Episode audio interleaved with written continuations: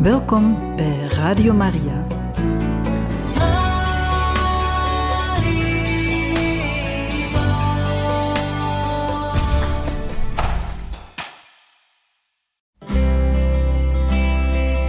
Welkom bij Boekat, een programma van Radio Maria.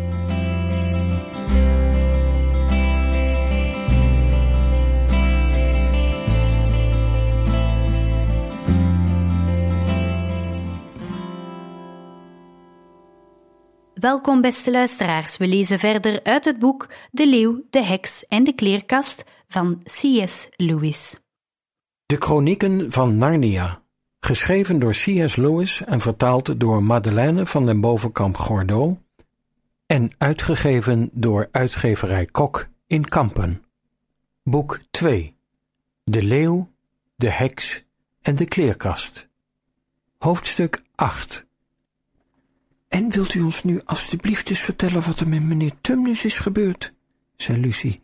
Dat is niet zo best, zei meneer Bever en schudde zijn hoofd. Nee, dat is een hele nare geschiedenis. Hij is opgepakt door de politie, daar hoef je niet aan te twijfelen. Ik heb het gehoord van een vogel die het heeft zien gebeuren. Maar waar hebben ze hem dan naartoe gebracht? vroeg Lucie. Ja, de laatste keer dat iemand ze gezien heeft, gingen ze naar het noorden. En we weten allemaal wat dat betekent. Nee, zei Suzanne, wij niet. Meneer Bever schudde somber zijn hoofd. Dat betekent dat hij naar haar huis werd gebracht, ben ik bang, zei hij. Maar wat gaan ze dan met hem doen, meneer Bever? vroeg Lucie geschrokken. Nou, zei meneer Bever, dat kun je nooit helemaal zeker weten. Maar er worden er daar niet veel naartoe gebracht die er ook weer heel huids uitkomen. Standbeelden. Staat er helemaal vol standbeelden, zeggen ze. Op de binnenplaats en op de trappen en in de hal allemaal wezens die... Hij zweeg even en huiverde, die ze in steen veranderd heeft. Maar meneer Bever, zei Lucie, kunnen we niet... Ik bedoel, we moeten iets doen. We moeten hem redden. Dit is veel te erg. En het is allemaal mijn schuld. Ik geloof beslist dat je alles zou doen om hem te redden, als dat kon, liefje, zei mevrouw Bever. Maar ook al zou je tegen haar zin dat huis kunnen binnenkomen, dan nog heb je geen schijn van kans om er ooit weer levend uit te komen. Kunnen we geen list bedenken, zei Peter. Ik bedoel, zouden we ons niet kunnen vermommen en net doen alsof we, nou ja, alsof we iets komen verkopen of zo, of op de loer gaan liggen tot ze weggaat, of nou ja, dan moet er iets op te verzinnen zijn, verdraaid. Die faun die heeft zijn leven gewaagd om een zusje te redden, meneer Bever.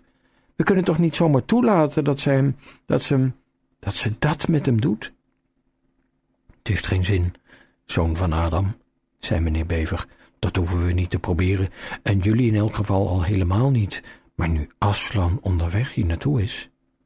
O ja, vertel ons eens wat over Aslan, zeiden verschillende stemmen door elkaar, want opnieuw kregen ze dat wonderlijke gevoel van binnen, alsof de lente eindelijk op komst was, alsof ze goed nieuws hadden gehoord. Wie is Aslan? vroeg Suzanne. Aslan, zei meneer Bever. Hoezo weten jullie dat dan niet? Aslan is de koning. Hij is de heer van dit hele bos. Maar vaak is hij niet hier, begrijp je? Hij is hier in mijn tijd of in de tijd van mijn vader nooit geweest maar we hebben bericht gekregen dat hij teruggekomen is. Op dit ogenblik is hij in Narnia. Hij zal wel afrekenen met die witte koningin. Hij zal meneer Tummes redden. Jullie kunnen dat niet. Verandert ze hem dan niet in steen? vroeg Edmund. Lieve help, nee, wat een onnozele vraag, zoon van Adam, antwoordde meneer Bever, en hij moest er smakelijk om lachen. Hem in steen veranderen. Ze mag al heel blij zijn als ze op haar eigen benen kan blijven staan en hem recht in zijn ogen durft te kijken. En zelfs dat lijkt me eigenlijk nog te veel voor haar. Nee, nee, hij zal alles weer in orde maken, zoals een oude spreuk in onze streken altijd al heeft voorspeld. Als Aslan weer om is, dan wordt weer recht wat krom is. Door de tanden van de leeuw sterven winter, ijs en sneeuw.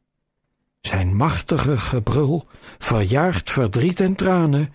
Hij schudt een nieuwe lente uit zijn gouden manen. Als je hem ziet, zul je dat wel begrijpen. Krijgen we hem dan te zien? vroeg Suzanne. Maar dochter van Eva, daarvoor heb ik jullie hier juist naartoe gebracht. Ik moet jullie naar de plaats brengen waar hij op jullie zal wachten, zei meneer Bever. Is, is hij, is het een mens? vroeg Lucie. Aslan een mens? zei meneer Bever verontwaardigd. Natuurlijk niet. Ik zei al dat hij de koning van het bos is en de zoon van de grote keizer die boven de zee woont. Weet je niet wie de koning der dieren is? Aslan is een leeuw. De leeuw. De grote leeuw. Oh, zei Suzanne. Dacht de hele tijd dat hij een mens was. Is hij niet te gevaarlijk? Ik geloof vast dat ik behoorlijk bang ben als ik met die leeuw kennis moet maken. Dat ben je vast en zeker, liefje. Dat kun je gerust geloven, zei mevrouw Bever. Iemand die niet tegenover Aslan staat met knikkende knieën, is of bijzonder moedig of bijzonder dom. Dus hij is toch gevaarlijk, zei Lucie. Gevaarlijk, zei meneer Bever. Hoor je niet wat mevrouw Bever zegt? Niemand heeft gezegd dat hij niet gevaarlijk is. Natuurlijk is hij gevaarlijk, maar hij is goed. Hij is onze koning, dat zei ik toch al? Hm, ik wil hem graag leren kennen, zei Peter. Ook al zal ik vast wel bang voor hem zijn als het erop aankomt.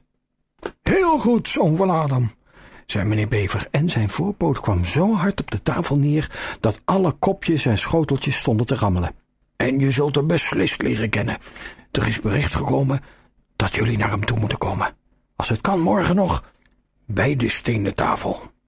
Waar is dat? vroeg Lucie. Dat zal ik jullie wel wijzen, zei meneer Bever. Het is nog een flink eind lopen langs de rivier in de richting van de zee. Ik zal jullie er wel naartoe brengen. Maar hoe moet dat nu verder met die arme meneer Tumnus? zei Lucie. Het vlugste kunnen jullie die helpen door naar Aslan toe te gaan, zei meneer Bever. Pas als hij ons helpt, kunnen we iets voor hem doen. Maar jullie hebben we ook nodig, daar niet van. Want dat staat weer in een andere voorspelling. Als Adams vlees en Adams bloed op de troon zit in Ker Peravel, dan moet het kwaad uit het land verdwijnen voorgoed. Dus het einde moet nu langzamerhand in zicht zijn, nu hij eenmaal gekomen is en nu jullie er ook zijn. Van Aslan wordt verteld dat hij vroeger ook wel eens in deze streken kwam, heel lang geleden. Niemand weet wanneer precies, maar van jullie ras is er nog nooit eerder iemand hier geweest. Dat is nou juist iets wat ik niet begrijp, meneer Bever, zei Peter. Ik bedoel, de heks is toch zelf ook een mens? Ze zou maar al te graag willen dat we dat geloofden, zei meneer Bever, en ze probeert ons wijs te maken dat ze het recht heeft om hier als koningin te regeren, door te doen alsof ze nog familie van Adam is. Maar zij is geen dochter van Eva. Ze stamt af van de eerste vrouw van jullie vader Adam. Hier boog meneer Bever eerbiedig. Van de eerste vrouw van jullie vader Adam, die Lilith genoemd werd. Zij was een djinn. Aan de ene kant stamt ze dus af van de djinns. En aan de andere kant is ze familie van de reuzen. Nee, nee, in werkelijkheid heeft die heks geen druppel menselijk bloed. Vandaar dat ze ook zo door en door slecht is, meneer Bever, zei mevrouw Bever. Juist, mevrouw Bever, was zijn antwoord. Met mensen kun je misschien twee kanten uit. Ze kunnen goed zijn, ze kunnen slecht zijn.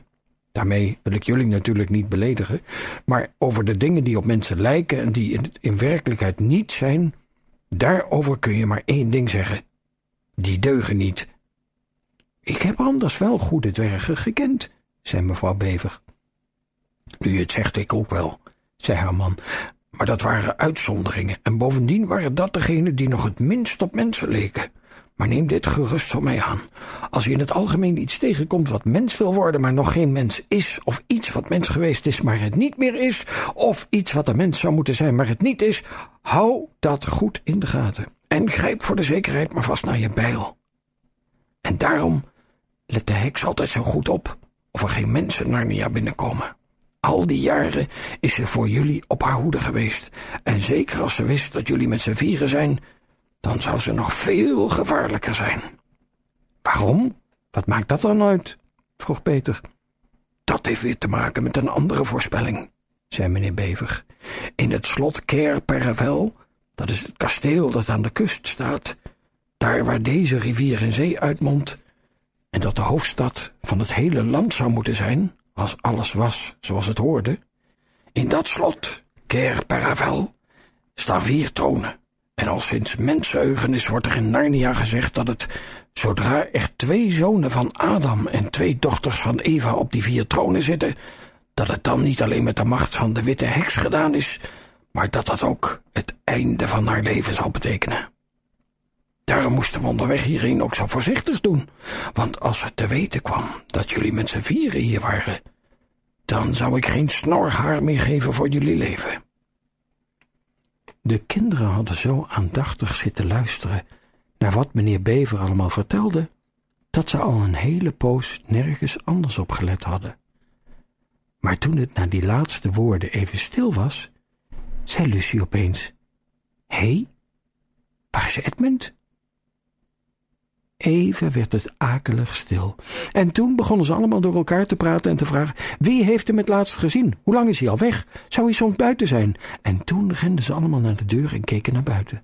Het sneeuwde nog steeds. Duizenden dikke vlokken dwarrelden geruisloos naar beneden. Het groene ijs op de vijver lag nu verstopt onder een dikke witte deken. En vanaf het midden van de dam, waar het huisje stond, kon je de oevers van de rivier haast niet meer zien. Ze liepen naar buiten en zakten tot ver over hun enkels weg in de zachte, verse sneeuw. Ze liepen om het huis heen en keken overal. Ze riepen: Edmund! Edmund! tot ze er schor van waren. Maar het leek alsof hun stemmen gedempt werden door het stille dwarrelen van de sneeuw. Er kwam geen antwoord zelfs niet de echo van hun eigen stemmen. Wat afschuwelijk, zei Suzanne, toen ze tenslotte wanhopig maar weer naar binnen gingen. Oh, ik wou maar dat we hier nooit gekomen waren. Wat moeten we in vredesnaam doen, meneer Bever? vroeg Peter.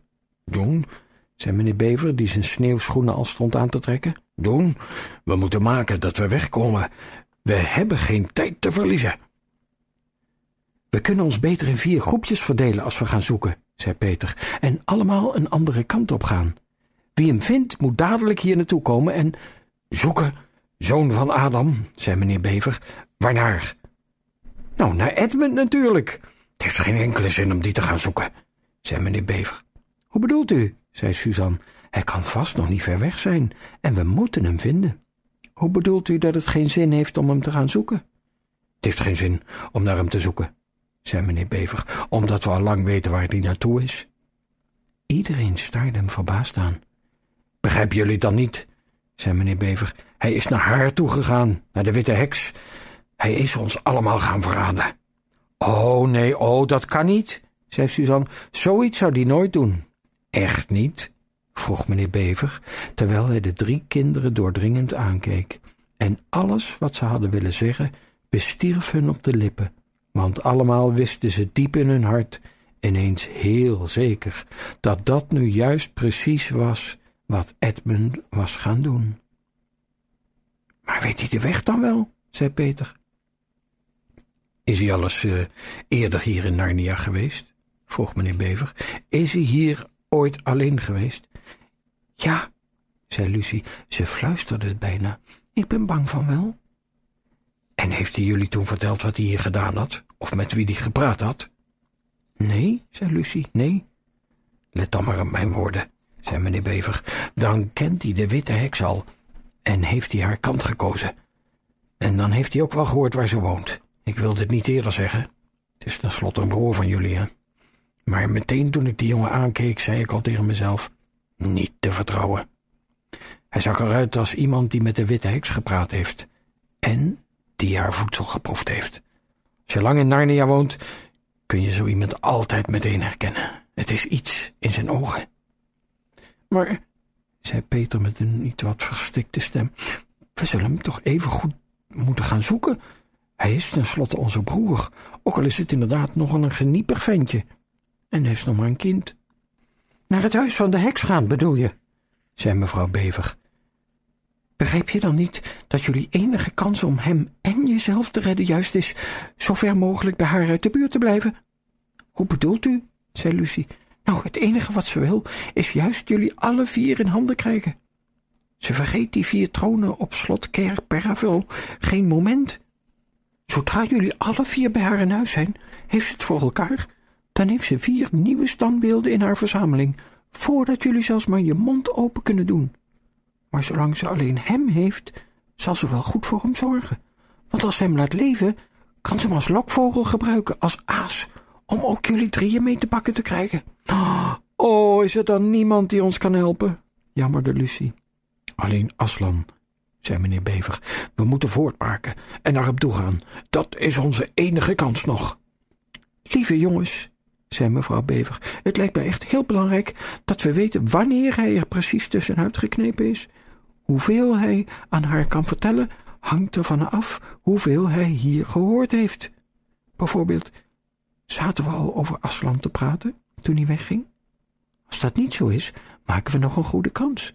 Want zij weet vast niet dat Aslan in Narnia is, of dat wij naar hem toe willen. Dus daar zou ze dan waarschijnlijk totaal geen rekening mee houden.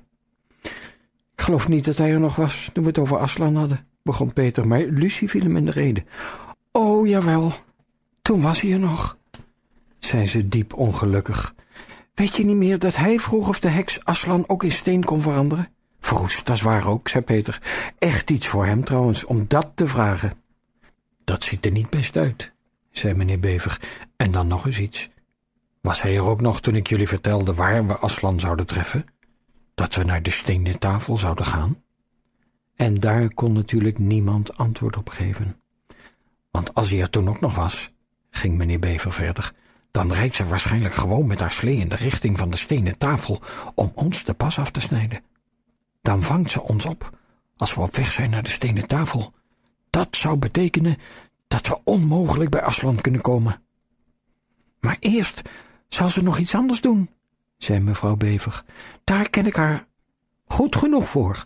Zodra Edmund haar vertelt dat we hier allemaal zijn, gaat ze meteen op pad om ons vannacht nog gevangen te nemen.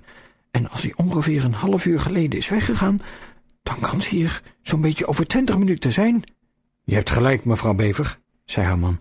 We moeten maken dat we hier wegkomen, met z'n allen. We hebben geen moment meer te verliezen.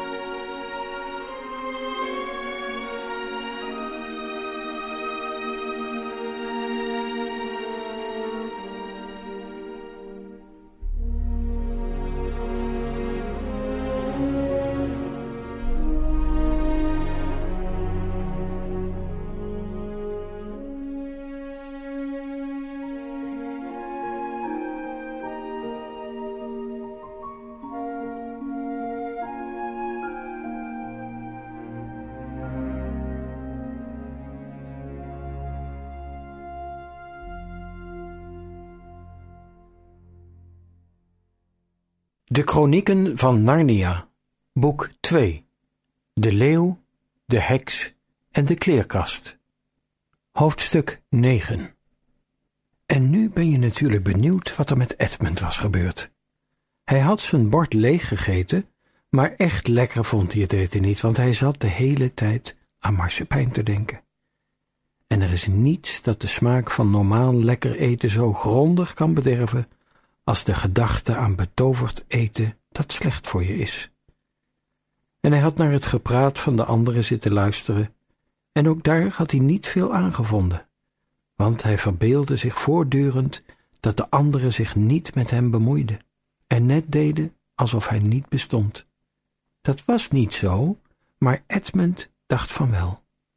En verder had hij zitten luisteren totdat meneer Bever over Aslan verteld had en tot hij alles gehoord had wat ze over hun ontmoeting met Aslan bij de stenen tafel afspraken. Op dat moment was hij heel voorzichtig achter het gordijn geglipt dat voor de buitendeur hing, want telkens als er over Aslan gepraat werd, bekroop hem dat geheimzinnige, angstige gevoel, zoals de anderen er juist telkens een geheimzinnig blij gevoel door kregen. Op het moment dat meneer Bever de voorspelling over Adams vlees en Adams bloed opzij, draaide Edmund heel zachtjes de deurknop om. En juist toen meneer Bever op het punt stond om te gaan vertellen dat de witte heks eigenlijk helemaal geen mens was, maar half djinn en half reuzin, stapte Edmund naar buiten in de sneeuw en deed de deur zachtjes achter zich dicht. Ondanks dat alles moet je nu niet meteen denken dat Edmund echt wilde dat zijn broer en zijn zusjes in steen veranderd werden. Zo gemeen was hij nu ook weer niet. Wat hij wilde was marsepein en prins worden en later koning. En hij wilde het Peter betaald zetten, dat hij geniepig kereltje tegen hem gezegd had. Over wat de heks met de anderen zou doen, wilde hij maar niet te veel nadenken. Van hem hoefde ze nou niet direct bijzonder aardig voor hen te zijn en ze hoefde hen zeker niet op dezelfde manier te behandelen als hem. Maar het lukte hem te geloven, of in ieder geval zichzelf wijs te maken dat hij dat geloofde, dat ze niet echt iets heel ergs met hen zou doen.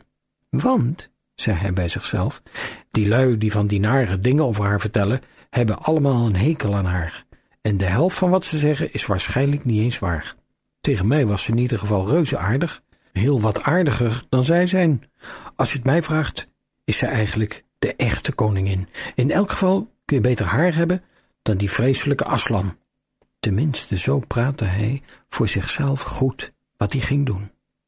Maar zo heel overtuigd was hij er zelf ook niet van dat het goed was, want diep in zijn hart voelde hij eigenlijk best dat de witte heks slecht was en vreed.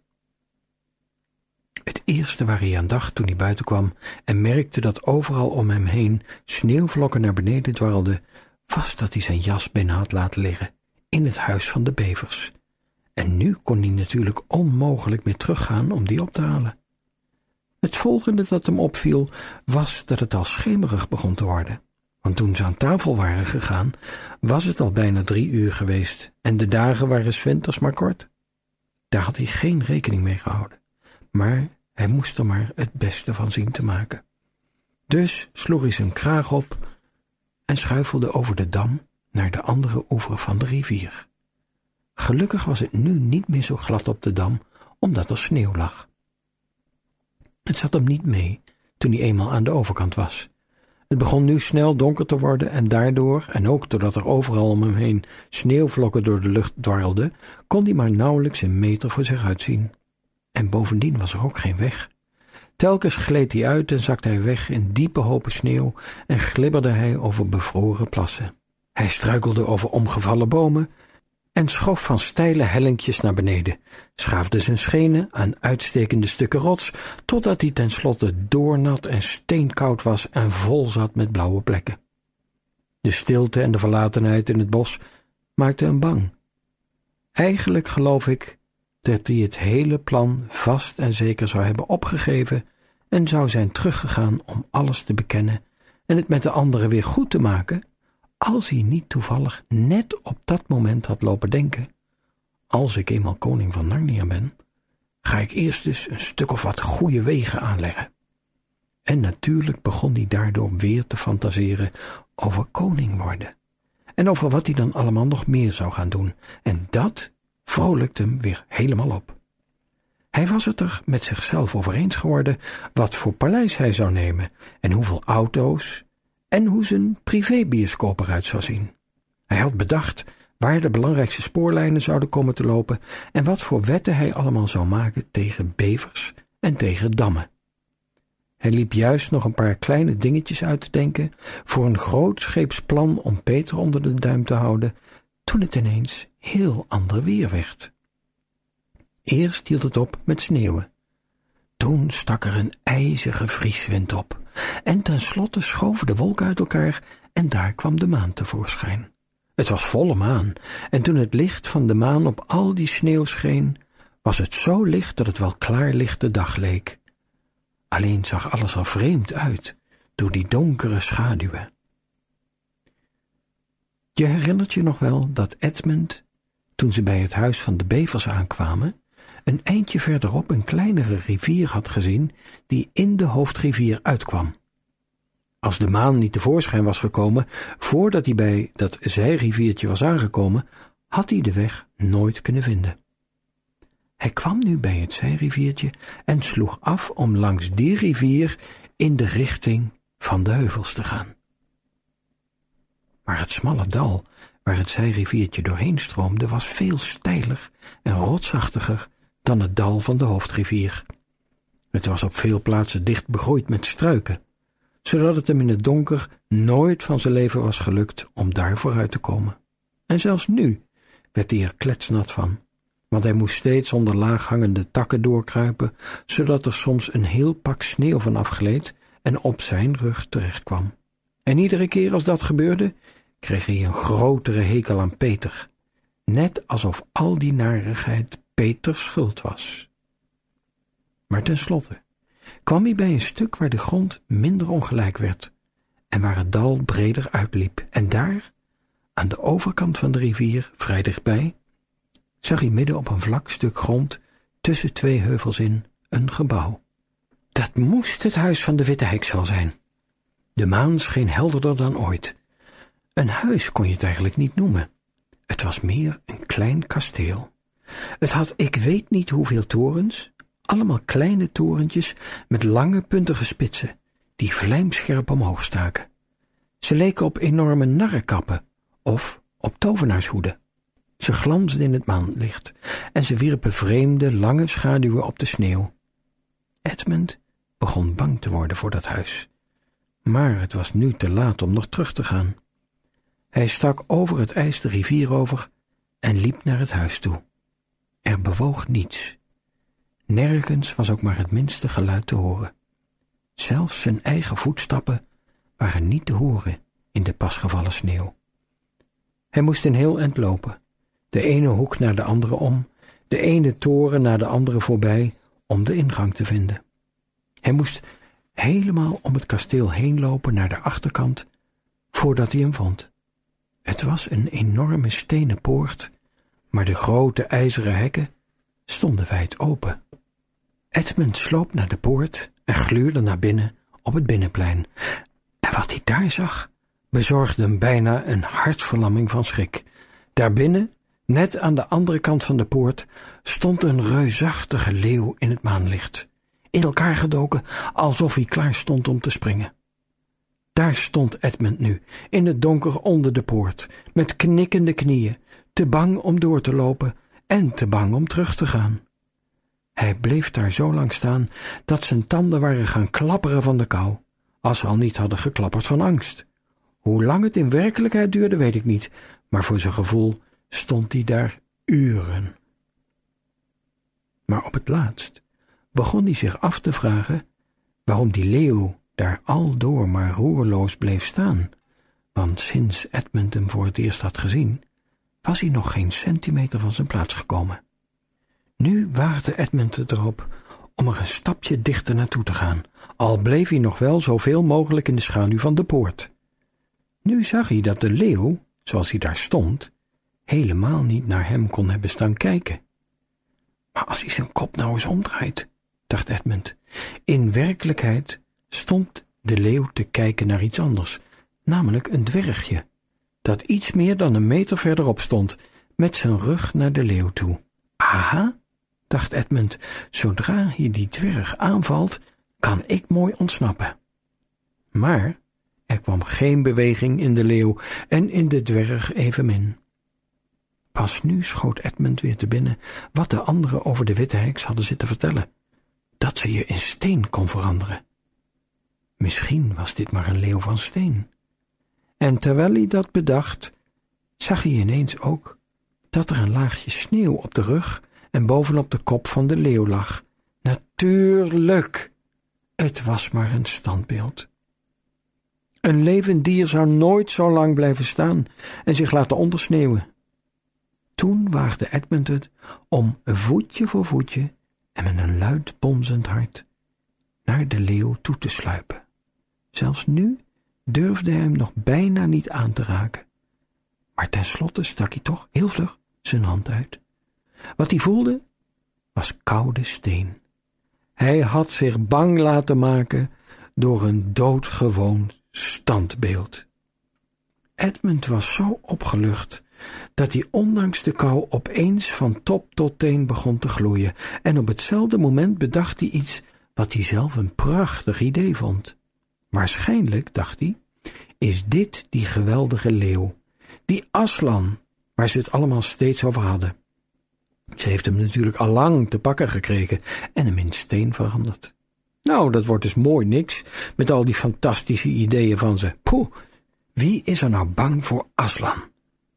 Even stond hij met leedvermaak naar de stenen leeuw te kijken. En toen deed hij iets heel doms en kinderachtigs. Hij haalde een stompje potlood uit zijn broekzak en krabbelde een snorretje op de bovenlip van de leeuw. Daarna tekende hij ook nog een brilletje om zijn ogen. En toen zei hij: hey, Aslan, gekke ouwe sok. Nou ben je een stuk steen, leuk hè? En je dacht nog wel dat je zo geweldig was, of niet soms?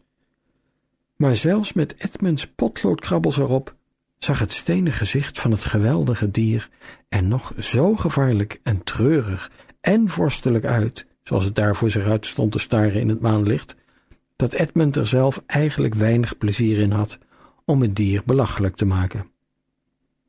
Hij draaide zich om en begon het binnenplein over te steken. Toen hij op het binnenplein liep, zag hij dat er overal in het rond standbeelden stonden, her en der verspreid, zodat het wel de stukken op een schaakbord leken, zoals die erbij staan midden in een partij schaak. Er stonden stenen satiers bij en stenen wolven, en beren en vossen, en linkse van steen. Er stonden beeldschone stenen figuren bij die op vrouwen leken, maar die in werkelijkheid de geesten van bomen waren. Er stond een kolossale centaur en een gevleugeld paard en een dier met een lang gekronkeld lijf, dat volgens Edmund wel een draak moest zijn. Het zag er zo vreemd uit, zoals ze daar met z'n allen in het heldere koude licht van de maan stonden, zo levensecht en toch zo doodstil, dat Edmund er gewoon kippenvel van kreeg toen hij de binnenplaats overliep. Precies in het midden stond een geweldige gestalte. Hij leek op een man, maar hij was wel zo groot als een flinke boom. Hij had een woest gezicht en een ruige baard en een zware knots in zijn rechterhand. Zelfs al wist Edmund dat het maar een reus van steen was en dat hij niets zou doen, toch voelde hij zich niet erg op zijn gemak toen hij hem voorbij moest. Nu zag hij een schemerig licht naar buiten schijnen door een deuropening aan de overkant van de binnenplaats. Hij liep er naartoe. Een stenen trap leidde naar een deur die open stond. Edmund liep naar boven. Dwars over de drempel lag een grote wolf. Niks aan de hand, niks aan de hand, stelde hij zichzelf gerust. Die wolf is maar van steen, hij kan me niks doen. En hij tilde zijn voet op om er overheen te stappen. Meteen kwam het geweldige beest overeind. Al zijn rugharen stonden rechtop, deed zijn grote rode muil open en grauwde. Ah, hij is. Blijf staan, daar. Vertel me eens wie je bent. Pardon, meneer, zei Edmund, en hij bibberde zo dat hij nauwelijks uit zijn woorden kon komen. Ik heet Edmund en ik ben een zoon van Adam. Hare majesteit is mij laatst tegengekomen in het bos en ik kom met de boodschap dat mijn broer en mijn zusjes nu ook in Narnia zijn. Niet zo hier, zo, zo, zo, niet zo ver hier vandaan, in het huis van de bevers. Ze, ze zei dat ze hen wilde spreken. Ik zal het haar majesteit vertellen, zei de wolf. Jij blijft hier, zolang op de drempel staan, als je leven je lief is. Toen verdween hij het huis in. Edmund bleef staan wachten. Zijn vingers deden pijn van de kou en hij voelde zijn hart kloppen in zijn keel. Even later kwam de grijze wolf, Maugrim, het hoofd van de geheime politie van de heks, er weer aangedraafd en zei, Kom binnen, kom binnen, je treft het als de koningin je zo graag wil spreken. Of anders tref je niet. En Edmund liep naar binnen. Hij deed heel voorzichtig, om vooral niet op de poten van de wolf te trappen. Hij kwam in een lange, naargeestige zaal met rijen pilaren aan beide kanten. Net als op de binnenplaats stond het hier ook vol met standbeelden. Het beeld dat het dichtst bij hem stond was een kleine faun met een heel bedroefd gezicht. En onwillekeurig vroeg Edmund zich af of dat misschien die vriend van Lucie was. Het enige licht in de zaal kwam uit één enkele lamp, en vlak daarnaast zat de witte heks. Hier ben ik, majesteit, zei Edmund, en hij holde enthousiast naar haar toe. Hoe durf je hier alleen te komen? zei de heks, en haar stem klonk dreigend. Had ik niet gezegd dat je de anderen mee moest brengen? Maar majesteit, zei Edmund, ik heb echt gedaan wat ik kon. Ik heb ze meegebracht en ze zijn hier vlak in de buurt. Ze zijn in het huisje midden op de dam die verderop in de rivier ligt, bij meneer en mevrouw Bever. Er gleed een sluw vreed lachje over het gezicht van de heks. Is dat alles wat je me vertellen kunt? vroeg ze. Nee, majesteit, zei Edmund, en hij vertelde haar precies wat hij gehoord had, voordat hij was weggegaan uit het huis van de bevers. Wat? Aslan? Schreeuwde de heks. Aslan, weet je het zeker? Als ik toch merk dat je me staat voor te liegen. Heus, majesteit, ik vertelde alleen maar wat ze zeiden, stotterde Edmund. Maar de koningin lette al niet meer op hem. Ze klapte in haar handen. Dadelijk verscheen dezelfde dwerg die Edmund al eerder samen met haar gezien had. Maak de slee gereed, beval de heks, en gebruik het tuig zonder bellen.